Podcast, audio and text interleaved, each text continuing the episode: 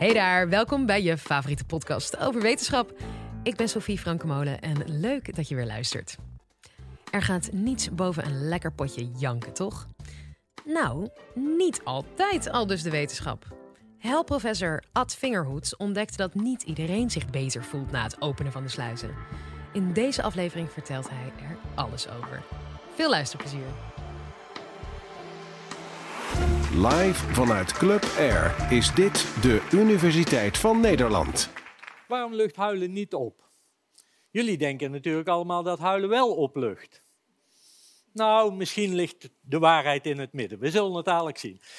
Ik ga nu drie vragen aan de orde stellen. De eerste is, waarom huilt de een meer dan de ander? Dan de tweede is inderdaad, waarom lucht huilen wel of niet op?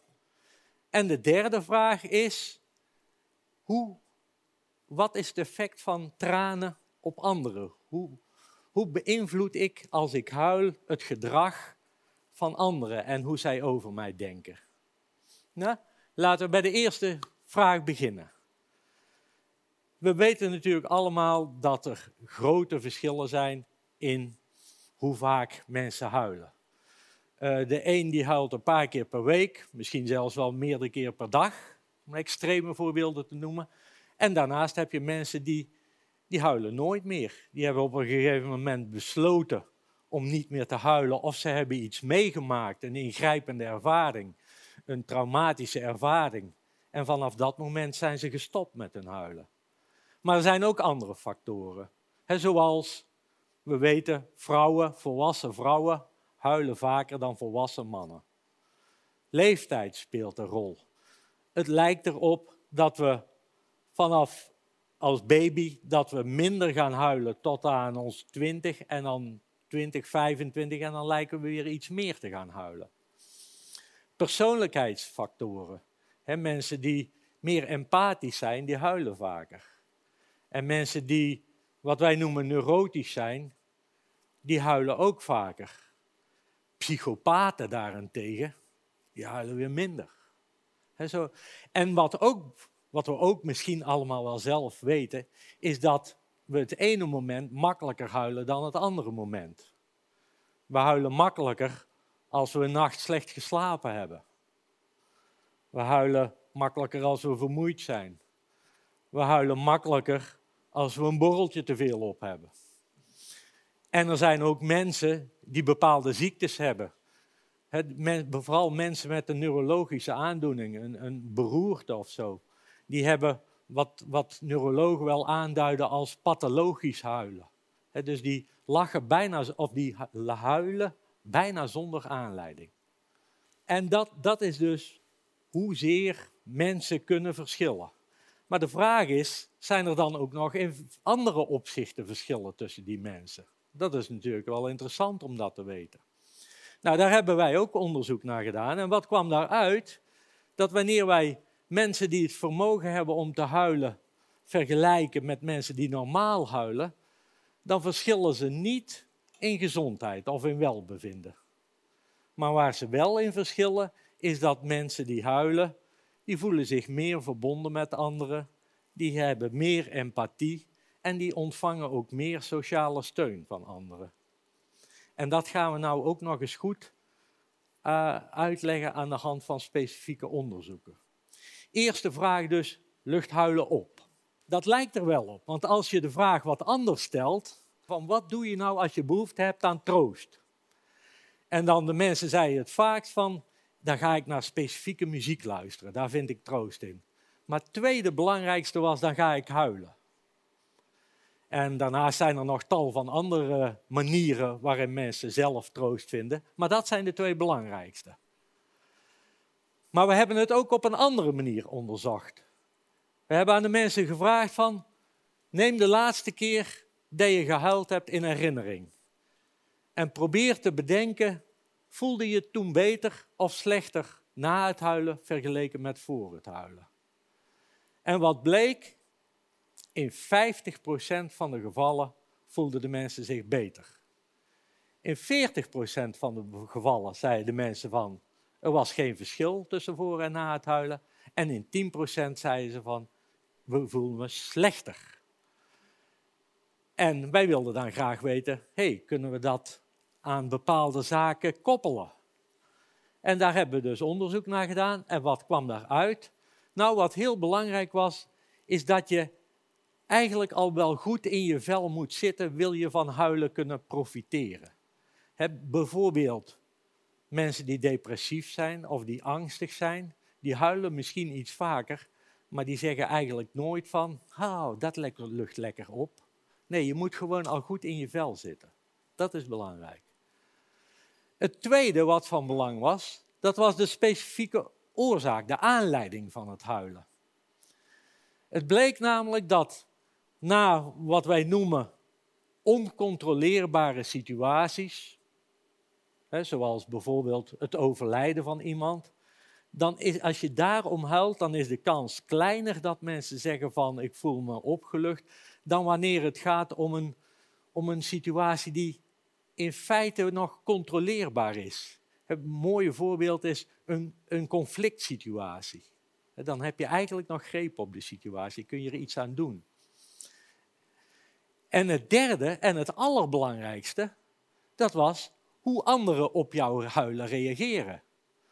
Als anderen reageren met begrip en troost en ze willen je helpen, ja, dan ervaar je wel opluchting. Maar als anderen je uitlachen, als anderen je boos worden en je, je schaamt je kapot, nou dan is die opluchting ver te zoeken. Dus dat, dat is heel belangrijk, hoe anderen reageren op jouw huilen. Dus het lijkt erop dat dat huilen op zich niet zozeer opluchting geeft, maar dat dat vooral komt van de troost en de aandacht die je krijgt van anderen. Dan dus, logisch, de volgende stap, hoe reageren dan anderen op jouw tranen? Nou, dat hebben we ook onderzocht. Wij hebben dan foto's van huilende mensen. En dan hebben we die tranen die je ziet digitaal weggepoetst. We hebben dus precies dezelfde foto's van precies dezelfde personen met en zonder tranen. En dan vragen we aan de proefpersonen van, hoe empathisch voel je je? In welke mate voel je je met deze persoon verbonden? Ben je bereid om deze persoon te helpen? En dan zie je dat met tranen mensen voelen zich meer empathisch. Mensen zeggen ik voel me meer verbonden met die persoon en ik ben ook meer bereid om die persoon te helpen. En het opmerkelijke is, we hebben één experiment gedaan waarbij we die foto's 50 milliseconden hebben laten zien. De mensen weten niet eens wat ze zien in feite. En toch, als je daarna vraagt van, je hebt net een persoon gezien, hoezeer ben je bereid om die persoon te helpen? Als er met tranen, dan zeggen ze dat ze meer geneigd zijn om die persoon uh, te helpen dan zonder tranen. Oké, wat we verder hebben gedaan is wat meer algemeen het imago is van huilende mensen. En dan vinden we aan de ene kant ook wel iets negatiefs. Huilende mensen worden vaker als minder competent, minder bekwaam gezien. Maar daar staan ook een aantal positieve zaken tegenover.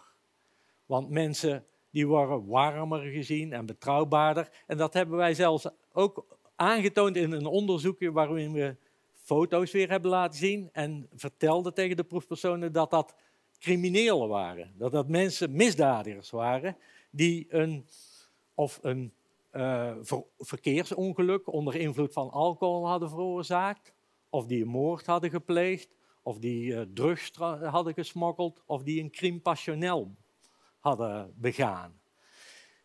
En weer was er dus die vergelijking met tranen en zonder tranen.